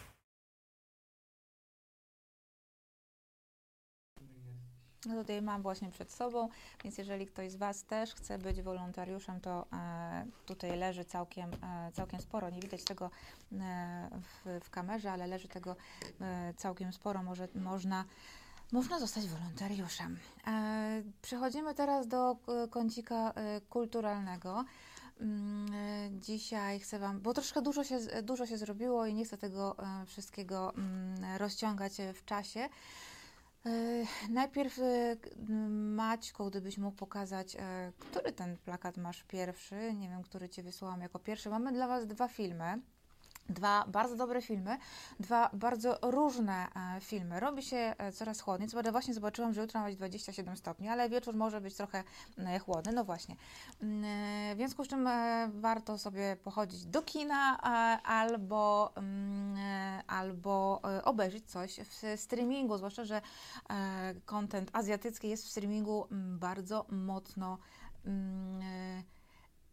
reprezentowany, powiedzmy to e, e, tak. Ja nie, w październiku, czy, czyli właściwie już niedługo, e, o kinie będę mówiła troszkę e, więcej, bo zaczyna się, zaczyna się 6, 5 albo 6 października zaczyna się Warszawski Festiwal Filmowy. Ja dostałam tam akredytację właśnie dzisiaj, mm, w związku z czym e, na pewno opowiem Wam o tym, e, tej części e, azjatyckiej. Nie wiem, czy zdołam pójść na wszystkie filmy, bo izraelskich chyba nie dam rady obejrzeć, no ale zobaczymy. Dobrze, w związku z czym zaczniemy od filmu, który miał premierę w mm, piątek, miniony piątek, czyli naprawdę totalna świeżynka. Film, na który ja czekałam chyba z 8 miesięcy, bo e, premierę w Polsce miał na festiwalu mm, Afrykamera i ja wtedy nie mogłam pójść na ten, na ten, na ten film z bólem serca, ale tutaj kolega, który organizuje festiwal powiedział, że no wiosną będzie premiera, bo Aurora wprowadza też do kin. Więc mówię, no dobra, do wiosny poczekam. No i okazało się, że co, że czekałam do końca e, września, bo ta premiera była mm, e, odsuwana. Turkusowa suknia to film marokański. Mm, e, Mariam Tozani, Tozani jest reżyserką. To jest jej drugi film fabularny. Wcześniej pracowała między innymi jako scenarzystka przy filmach chociażby swojego mm, męża, reżysera, bardzo znanego. Pierwszy jej film to Adam. Bardzo bardzo ciekawe, bardzo dobre e, e, kino. Natomiast e, turkusowa suknia jest skokiem o level wyżej po prostu. To jest zupełnie inny poziom kina, chociaż tak jak powiedziałam, Adam bardzo mi się podobał. Turkusowa suknia dotyka e, trudnego tematu, e, jeśli chodzi o kraje muzułmańskie, bo jest to opowieść o. to jest opowieść Opowieść o miłości, ale z mocnym wątkiem e, miłości homoseksualnej. O co chodzi? Halim jest e, krawcem i to wyjątkowym e, krawcem, bo szyje w sposób tradycyjny. On ma mały sklepik, na zapleczu tego sklepiku w, ma pracownię czy warsztat, gdzie szyje suknie. E, między innymi tę turkusową e, suknię z tytułu, chociaż e, francuski francuski oryginalny tytuł bardziej mi się podoba niż polska wersja, chociaż rozumiem, że trudno byłby do przetłumaczenia, bo to jest dosłownie błękit sukni i to chodzi rzeczywiście o głębię tego koloru. No ale rzeczywiście turkusowa suknia po polsku po prostu brzmi lepiej, więc decyzję dystrybutora całkowicie rozumiem. E, I tenże Halim nie tyka maszyny do szycia, więc na jego kreację czeka się czasami nawet dwa miesiące. Wszelkie te piękne hafty wykonuje samodzielnie, wykonuje po prostu igłą. No w związku z czym to trwa, ale ponieważ nie wyrabia się z zamówieniami, e, to zdecydują się z żoną e, e, Miną mm, zatrudnić pomocnika. I pomocnikiem zostaje Jusuf, młody, przystojny chłopak, który wydaje się rzeczywiście zainteresowany tą pracą, tym rzemiosłem, które no przecież odchodzi już w, do lamusa. E, Mina pomaga w sklepie, czy pomaga w sklepie, no jest jego współwłaścicielką, e, pracuje jako ekspedientka, obsługuje e, klientów, przyjmuje zamówienia. Ona wie i akceptuje, że jej mąż kocha nie tylko ją, ale i mężczyzn.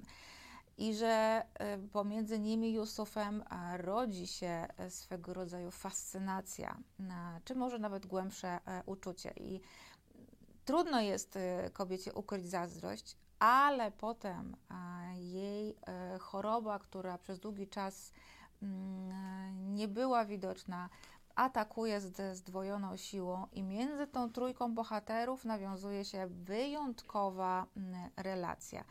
Nie powiem Wam na czym polega, bo yy, szkoda by było, bo to wiecie, tego filmu trudno, tego nie można zepsuć, bo w tym filmie nie chodzi o e, zagadki, zaskoczenia. Ale mimo wszystko chciałabym, żebyście może jednak poszli do kina, mm, e, czy kiedyś może w jakimś streamingu, chociaż wątpię, E, zobaczyli ten film. Mm, na pewno jest grany w Warszawie w kinach studyjnych, pewnie w innych miastach też w kinach studyjnych. No takich filmów się w multiplexach nie pokazuje. Jaki to jest film? To jest film o miłości i jej różnych odcieniach. Mm, o tym, że czasami e, trzeba się tą miłością e, podzielić, że czasami trzeba oddać część e, siebie innej e, osobie, oddać część tej miłości innej osobie, żeby najbliższej, najukochańszej osobie z kolei dać szczęście. Mm, to jest też film o tym, jak być sobą, żyjąc w społeczeństwie, które bycia sobą nie akceptuje. Oczywiście, jeśli chodzi o preferencje mm, e, seksualne, zwłaszcza preferencje e, homoseksualne, mm, które w islamie nie są dobrze e, widziane. Mm, I Mina w pewnym momencie mówi do męża: Nie bój się kochać. Można to rozumieć na wiele sposobów, choć tutaj jest to w miarę oczywiste. E, relacja między tą trójką bohaterów, między Miną, Halimem i Jusufem zarysowana jest absolutnie e, fantastycznie. To jest wysoki poziom mm, empatii, zrozumienia dla ludzkich uczuć, dla mm, pogmatwanych uczuć, mm, dlatego jak potrafimy zbłądzić, pogubić się i jak trzeba być odważnym, e, żeby być e, sobą i żeby pozwolić drugiej osobie, tej ukochanej, także właśnie być e, sobą. Ja mam wrażenie, że ten film, dwugodzinny mm, film marokański, jest taki jak krawiectwo Halima, czyli powolny, ale niezwykle precyzyjny wznoszący się ponad rzemiosło. Bo suknie Halima są arcydziełem, są sztuką, mm, sztuką krawiecką, ale ciągle sztuką. I taki jest ten film. Y, jest powolny, niesamowicie precyzyjny, dokładny, mm, ale efekt jest taki sam właśnie jak w przypadku kreacji e, Halima, które przypominają no właśnie suknie z baśni Tysiąca i Jednej Nocy. Jeżeli e, człowiek na zachodzie wyobraża sobie mm, e, kreację e, prawda, e, bohaterów e, baśni Tysiąca i Jednej Nocy, no to właśnie myślę, że wyobrażałby sobie kreację już, y, szyte przez, e, przez e, Halima. I właśnie też taki jest ten, e, ten film. Mm, precyzyjny, piękny, to po prostu jest dzieło sztuki. Ja tylko Maćka poprosiłam, żebyś wrzucił Maćku komentarze widzów, bo nie wiem, czy w ogóle. A, są, dobrze. Fajnie, tutaj widzę, że cały czas nic, dobra, nie, nic nie straciłam takiego. A, właśnie, Tomasz Indralewicz mm, pisze, czy o turkusowej sukni nie było już kiedyś mowy. Była, bardzo słusznie. Tomasz, powiem Ci szczerze, że e, niesamowita pamięć. No właśnie, e, gdy w listopadzie albo w grudniu zeszłego roku gościł tu, o tutaj, Przemek z Afrykamery, rozmawialiśmy o tym, e, o tym filmie.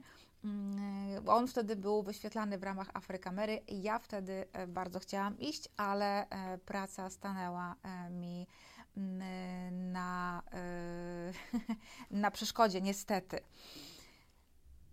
Mm, więc teraz pierwszy y, weekend wyświetlania i y, od razu pobiegłam do kina i to było warto, chociaż nie ukrywam, że miałam bardzo, bardzo trudny emocjonalnie. Mm, Yy, przepraszam, ty, aha, dobra, zaraz zobaczę. Yy, emocjonalnie yy, weekend, bo piątek to była zielona granica, ktoś słusznie zauważył, a Dires 12 podobno tylko świnie siedzą w kinie. No ta świnia wysiedziała w kinie mm, weekend. Mm, ciekawy temat, taki obyczajowy dla oddechu. Dziękuję Ci bardzo, Bella. Właśnie chciałam troszkę Wam zrobić oddechu więc y, ciężki emocjonalnie film. Jednocześnie czytałam bardzo dobrą książkę, o której Wam w listopadzie opowiem, bo w listopadzie będzie premiera, to jest y, patronat y, mojej kulturazji, mm, więc na pewno Wam o tej książce opowiem. Doskonała e, powieść z Indii mm, która ukaże się nakładem wydawnictwa Albatros, ale bardzo trudna emocjonalnie, wymagająca e, emocjonalnie. No a potem w niedzielę e, turkusowa suknia, która e, działa zupełnie inaczej niż e, zielona granica, która od początku zaciska się mocno na szyi widza, tak, na tchawicy i tak trzyma do końca. Turkusowa suknia działa troszeczkę inaczej. Ona otula, od momentu, ten film otula cię, ta historia cię otula jak taka właśnie jedwabna kreacja, tak ciepło, tak wprowadza w nastrój, mm, w tę e, nieprawdopodobnie, tę nieprawdopodobną e, historię. Także to Wam e, polecam. Bella, o, filmy to coś dla mnie. Bardzo się cieszę, bo tam wiem, że ktoś e, e, narzekał, że za dużo o filmach mówię. No trudno, niestety. Ja kocham kino i kinem się zajmuję. I e, będę o filmie mówić. Przepraszam, Dires 12 pisze, Blanka podobno nie umie śpiewać bo się wstydzi. Nie, ja naprawdę nie umiem śpiewać, chociaż swego czasu, gdy dochodziłam do świętej pamięci profesora mm, jeszcze w TVN24 dawno temu, mieliśmy mm, ta możliwość chodzenia do, e, co jest oczywiste moim zdaniem w telewizji, do logopedy. Mm, mieliśmy dwójkę logopedów, e, pani Katarzyna dbała o y, samą y, dykcję, y, o sposób no, no, o dykcję, tak można by było powiedzieć. Mm, natomiast y, właśnie profesor e, uczył nas stricte czytania newsowego. No i on twierdził, że absolutnie byłby w stanie ustawić mi głos tak, y, żebym śpiewała w operze. Nie dowierzam, to był cudowny człowiek, ale nie dowierzam i do dzisiaj e, w to nie wierzę. Nie umiem śpiewać. Mm, mm. Y, natomiast Bella pisze, że też jest kinomanką. Ja też kocham kino. Super. Mm, Zielona granica, trudny film, dużo scen trudnych do zniesienia. Przyznam, że pierwszy raz e, chyba w życiu bałam się, że nie wysiedzę do końca w filmie, nie dlatego, na filmie e, w kinie, nie dlatego, że był zły, tylko dlatego, że po prostu był e, nieprawdopodobnie mm, trudny emocjonalnie. Grzesiek daje Wam, ale Blanka pięknie tańczy. A dziękuję bardzo, dziękuję, ale właśnie tańczę dlatego, że nie śpiewam swoją drogą. E, przerwa już wakacyjna od tańca mm, się kończy i wracam e, na parkiet. Dobrze, to w takim razie e, drugi film e, zbiłam. Tutaj Maćku prosiła Cię. O, Ben Kruczek, taniec Blanki oglądajmy. Chciałabym zobaczyć jeszcze raz. Hmm nie wiem gdzie, ale skoro chcesz zobaczyć jeszcze raz, to chyba się podobał. Bardzo dziękuję. E, niedługo będzie, mm, niedługo będzie mm, e, taki wideo art, premiera mm, wideo artu, który nagrywałam e, wraz, znaczy ja byłam jedną z wielu dziewcząt, z którymi tańczę i z Julią Bój, z którą tańczę z wachlarzami bojowymi, także Myślę, że to, to będzie coś super. Widziałam zajawki i to będzie super. E, czyli Agata. Osobiście bardzo się cieszę, jak e, opowiada Pani o książkach i filmach o tematyce azjatyckiej. Bardzo się e, cieszę. E, to, to dobrze, że przynajmniej ktoś docenia tę część programu. Swoją drogą, Robson, jak byłabym wdzięczna za informację, czy dotarła do Ciebie książka, bo zawsze się obawiam, czy Poczta Polska da radę. I już zapowiadam Wam, że będę miała w październiku dla Was kolejną z wydawnictwa Sonia Draga i też z Pruszyńskiego będą dwie książki do, albo jedna książka do wzięcia. E, no w końcu są urodziny e, Azja Incognita, w związku z czym trzeba jakieś prezenty Wam zrobić. Dobrze, więc drugi film wybrałam, zestawiłam nieprzypadkowo, chociaż teoretycznie może się wydawać, że mm, jest e, zupełnie o czymś innym. Mm, Dziane Dzian to jest Och, jest, y, y, dotarła książka, fenomenalna lektura i polecam wszystkim. Na razie przeczytam około jednej trzeciej. E, cieszę się w takim razie, że książka dotarła i że się e, podoba. E, uf. Dobrze, Dires 12 pisze, taniec jest ok, ale ja się wstydzę, wstydzę, wstydzę tańczyć, a ja się wstydzę śpiewać, więc jesteśmy kwita. E, dobrze. Dziana Dzian mm, to jest e, indyjska, e, indyjski tytuł w języku hindi, natomiast w, mam wrażenie, że na zachodzie, w mediach zachodnich ten film jest bardziej znany jako Devotion of Suspect X. Mm, I Natomiast w polskim streamingu, e, ja nie używam polskiego streamingu, ale widziałam, że mm, jest, e, znajdzie się, znajduje się pod tytułem Podejrzenie pada na X. E, Też może być, chociaż podejrzany X też e, moim zdaniem brzmiałoby dobrze, a krótsze tytuły zawsze są e, lepsze. I teraz dlaczego ja zestawiłam e, ten e, film z mm, turkusową suknią? Otóż dlatego, że e, no, miały podobną datę premiery, banalne, Mm, ale dlatego, że tam też chodzi o trójkę bohaterów i nieprawdopodobną relację między tą e, trójką e, bohaterów. E, Główną bohaterką jest Maja mm, de Souza, właśnie w środku, dzięki Maciek. Maja de Souza, mm, grana przez Karinę Kapur. Ja przyznaję, że nie jestem wielbicielką Kariny Kapur. Nie ukrywam, e, nigdy tego nie ukrywałam. E, Natomiast w tym filmie mnie bardzo pozytywnie zaskoczyła. E, Dalej, na samej górze jest tak nauczyciel. Ja będę, sto, on ma imię oczywiście, ale będę mm, używała tylko tego przydomka nauczyciel, bo tak wszyscy do niego w tym filmie mówią.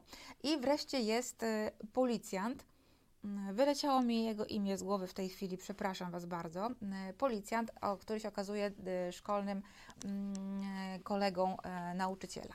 Rzecz dzieje się gdzieś w Bengalu Zachodnim, konkretnie w Kalimpongu, mm, małej miejscowości, e, która jest, y, wydaje się, idealna dla kobiety, która ucieka przed przeszłością. Otóż Maja i jej nastoletnia e, córka Tara ukrywają się przez 14 lat, zdołały się ukryć przed e, byłym em, mężem e, Mai i ojcem e, Tary. Jest pytanie, czy to jest thriller. Tak, to jest thriller, od tego powinnam zacząć, przepraszam. To jest thriller. I to bardzo dobry thriller. Naprawdę dobry. I teraz Maja otwiera knajpkę, w której pracuje, której zatrudnia też e, kilka osób i do której codziennie rano przychodzi nauczyciel, żeby kupić śniadanie. E, Nie jest dla nikogo tajemnicą, e, że nauczyciel jest totalnie w Mai e, zakochany, ale jest e, zbyt nieśmiały, żeby tę jej miłość wyznać. Jest człowiekiem e, totalnie zakompleksionym na punkcie swojego wyglądu, e, a przy tym jest geniuszem matematycznym. Mm, I e, to e, wszystko, e, i to jest niesamowite zestawienie, że człowiek ma tak nieprawdopodobną inteligencję, wiedzę, a jednocześnie jest tak e, potwornie zakompleksiony, bo łysieje, bo ma trądzik, bo nie jest e, super przystojny. I jak ten pan na dole, m, czyli e, policjant, który nagle zjawia się w miasteczku. Dlaczego zjawia się w miasteczku? Otóż szuka mm, policjanta, który zaginął. Ten policjant, który jest także gangsterem, zaginiony, to właśnie mąż e, Mai, którego Maja zabiła. To jest wszystko w opisie filmu, więc e, mogę Wam to zdradzić. To zresztą. E, przepraszam. Mm, przepraszam, zawiesiłam się. I nauczyciel pomaga jej ukryć ciało i zapewnić sobie mm, alibi. Bella, policjant przystojny z tego co widać. Tak, przystojny i dobry aktor. No i teraz e, ta trójka tworzy coś niesamowitego. E, Relację, e, która od razu przykuwa do, do ekranu. Autor scenariusza, Sudzioj Ghosh, jednocześnie reżyser, zrobił świetną robotę co do obsady. Tak jak powiedziałam, ja nie lubię Kariny Kapur, natomiast może powiem, nie lubiłam. E, To jest jedna z ostatnich aktorek, e, tych wielkich gwiazd bollywoodzkich, które e, stwierdziły, że czas już na coś innego niż tylko tańce w brokatowych kieckach i pokazywanie ciała. Mm, To i pokazała właśnie twarz zmęczoną, niewyspaną, z podkrążonymi oczami i z marszczkami wokół ust i oczu. I jest świetna, jest naprawdę świetna. Mm, Partnerują jej bardzo zdolni aktorzy. E, Ten e, na dole e, bardzo często gra bandytów, a tutaj gra policjanta, ale mm, ma też taki łobuzerski wdzięk swoich poprzednich bohaterów. I ta trójka tworzy naprawdę świetny trójkąt. Przepraszam za takie e, głupie określenie. E, jest to, to są doskonale rozpisane e, role, bardzo dobre już na poziomie scenariusza. Każdy z nich jest dobry sam w sobie, tworzy bardzo ciekawą postać, mm, więc nauczyciel z jednej strony zakompleksiony, z drugiej geniusz matematyczny, który ma dwie miłości, Maję i matematykę. Maja, która zrobi wszystko, żeby chronić swoją córkę, i nie dopuścić do tego, by e, jej ojciec miał na przyszłość córki, znaczy by jej były mąż i ojciec stary miał na e, przyszłość stary jakikolwiek e, wpływ. No i wreszcie policjant, który ma ten chłopięcy wdzięk, a jednocześnie dosyć przenikliwy umysł i jest zafiksowany na tym, żeby udowodnić, że to Maja zabiła swojego męża. I każda ta postać samodzielnie jest bardzo ciekawa i świetnie e, zagrana. Natomiast e, gdy są zestawieni razem, gdy jest między nimi takie napięcie, niedopowiedzenia tajemnice, no to to się rzeczywiście bardzo ciekawie ogląda.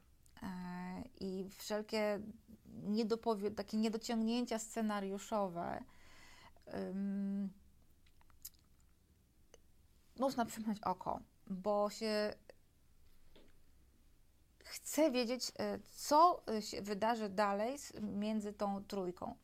Nauczyciel pomaga Mai, ale do końca nie wiemy, jaka jest motywacja. No, wiemy, no,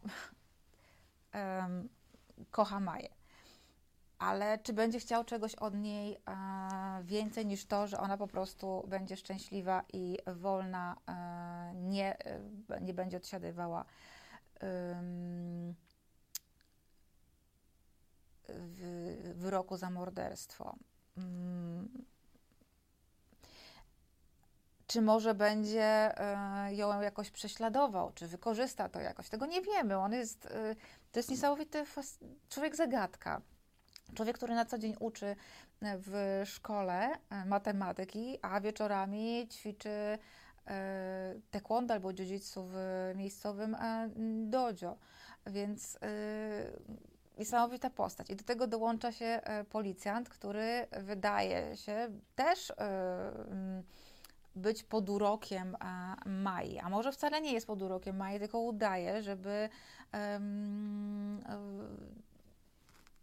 sprawić jej alibi, jak na przykład scena w klubie karaoke.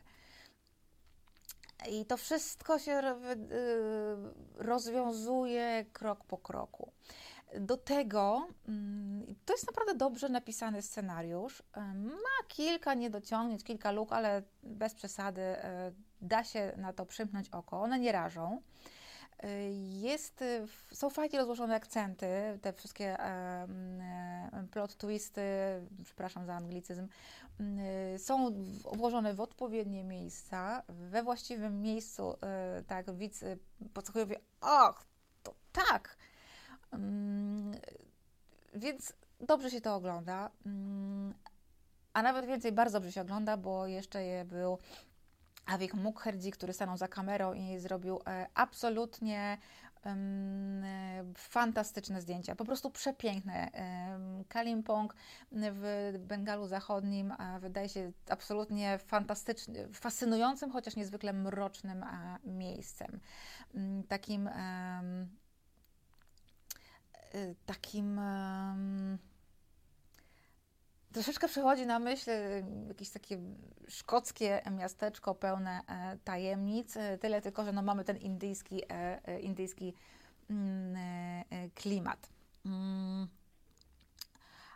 Ale jest to taka szkoła, trochę jak Hogwart. No, klimat jest i robią go zdecydowanie mm, zdjęcia Awika e, Mukherjeego. E, kapitan Stratford pisze, zagadką jest, dlaczego geniusz uczy dzieci e, matematyki, niespotykane w naszym systemie. myślę o moich nauczycielach, ale wolę już chyba raczej o tym nie wspominać. Nie, no, w podstawówce miałam bardzo e, dobrą matematyczkę, świetną. Mm.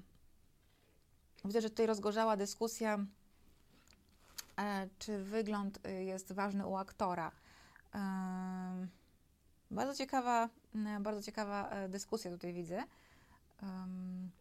Kapitan, kapitan, Ben Kruczek pisze, kapitanie, niewielu jest dobrych matematyków w Polsce. Nie wiem, nie znam się na matematyce, nienawidzę serdecznie matematyki. E, dotarłam do całek logarytmów i różniczkowania i to mnie już przerosło. Na szczęście wtedy skończyłam liceum, znaczy skończyła mi się już matematyka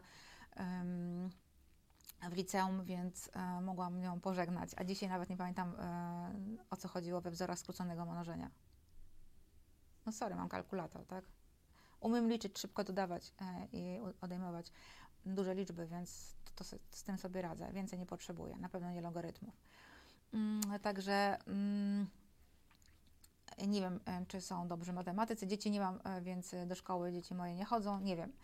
Wyłączyłam się też. E, Bella, ja też nie znoszę matematyki, to moja pięta Achilles, achillesowa. Jest, nie jestem jedyna. I jak tutaj właśnie słusznie podpowiada mi Maciek, umiesz liczyć, licz na siebie. E, tak, e, o tym się doskonale w życiu przekonałam, niestety. Dobrze, więc wracając do filmu... Mm, E, Dzianę Dzian, czy też e, podejrzenie pada na X, jakkolwiek sobie to wpiszecie w Netflixie, tak Wam e, i tak i tak ten sam film się pojawi. To chyba nic jest zaproszenia profesora Andrzeja Dragana, bo on jest fizykiem teoretykiem. Słuchajcie, ale to, że ja nie lubię fizyki czy matematyki, nie oznacza, że nie lubię rozmawiać z ludźmi, którzy się tym fascynują.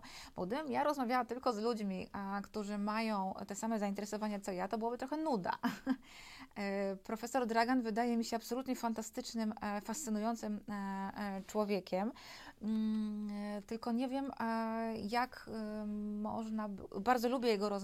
słuchać jego rozmów. Kiedyś zresztą Adam Bysiek tutaj e, widziałam na czacie, że jest, może jeszcze nas ogląda, mm, e, zrobił z nim bardzo ciekawą rozmowę. Żałuję, że musiał ją tak kończyć szybciutko. Z Draganem o filmach można pogadać właśnie. Słuchajcie, e, kapitanie, napisz mi. Dragan to pozytywny wariat. No, ale ja uwielbiam pozytywnych wariatów. Sama uważam, że jestem pozytywną wariatką. Błagam, jestem orientalistką. Hmm. Więc to chyba wiele wyjaśnia. Y, dobrze, więc jeszcze tylko chciałabym skończyć o, o filmie, bo widzę, że e, Bella e, pisze, że zaczyna, zamierza obejrzeć. Fajnie. Jest tam jedna rzecz, która mnie irytuje. Zupełnie bez sensu jest takie nawiązanie do filmów bollywoodzkich. Y, bez sensu. To są takie spojrzenia, odwrócenia głowy y, Kainy Kapur, y, czy pokazanie jej fragment, jak ona się rozbiera i policjant ten tam podgląda. Zupełnie bez sensu. One, te, te, te wstawki kompletnie rozbijają narrację, zaburzają sposób opowiadania, i, i, i w, tak wyrzucają widza z klimatu, który kompletnie bollywoodzki nie jest i bardzo e, dobrze. E, nie podobało mi się, syczałam za każdym razem, jak, e, jak to widziałam, no ale e, trzeba machnąć ręką e, i mm, i przejść dalej, bo naprawdę, mm, naprawdę warto. Słuchajcie, to by było na tyle. Mm, na pewno e, w najbliższym czasie będą dwa. Aha, bo to już październik, więc tak. E, na październik nie mam jeszcze konkretnych planów, oprócz tego, że 17 października na pewno e, będzie profesor Jakobi. Będziemy rozmawiać o książce wydanej przez Dialog strategie walczących państw, a raczej nie tyle o książce, co będziemy rozmawiać o strategiach walczących państw w Chinach. Hmm, myślę, że brzmi ciekawie. Y, na pewno będą dwie rozmowy w kontekście innych książek, czyli o Koreańczykach e, w Japonii. Um, jest, y, wiem, że kiedyś o tym troszeczkę przy różnych tematach przemycałam ten, y, ten temat, natomiast teraz chciałabym zrobić o tym cały y, odcinek. Na pewno będzie to w kontekście e, książki Go, wydanej przez wydawnictwo Kirin niedawno. E, I też będzie o roli kobiety w japońskim społeczeństwie. To z kolei e, premiera. Ja już tę książkę mam i zabieram się, przepraszam, zabieram się za czytanie po weekendzie. WAB wydawnictwa grupy Foxal e, Pójdę sama, japońska e, powieść. Jestem też jej bardzo ciekawa. Dostałam właśnie e, egzemplarz recenzencki, m, także to na pewno e, e, będzie. No i żeby skończyć e, optymistycznie, Ben Gruczek pisze, 17 października będzie wolność w Polsce. Właśnie zastanawialiśmy się z profesorem Jakobim, czy będzie wolność w Polsce, ale skoro Ben Kruczek e, tak mówi, to e, trzymajmy się e, tego, że 17 października spotkamy się w zupełnie innej e, rzeczywistości, e, w której e, rządy e, w Polsce przejmie demokratyczna opozycja. Także wiecie, 15 października e, cała Polska przygotowuje się do moich urodzin 16 października i robi mi fantastyczny, najlepszy prezent na straszliwe 45 urodziny, e, czyli e, wygrana demokratycznej opozycji. Bardzo dziękuję Wam za to, że byliście dzisiaj e, ze mną i z Maćkiem. E, Maciek e, realizował e, ten program. Dzisiaj troszkę wcześniej e, e, kończę z powodów e, niezależnych i zapraszam Was. Mam nadzieję, że widzimy się e, za tydzień. Ja Was zostawiam w rękach e, Jarosława Szczepańskiego i jego gościa. E, Postaram się oglądać, a przynajmniej słuchać, wracając do domu. Także dobranoc, spokojnego wieczora i widzimy się za tydzień już w październiku.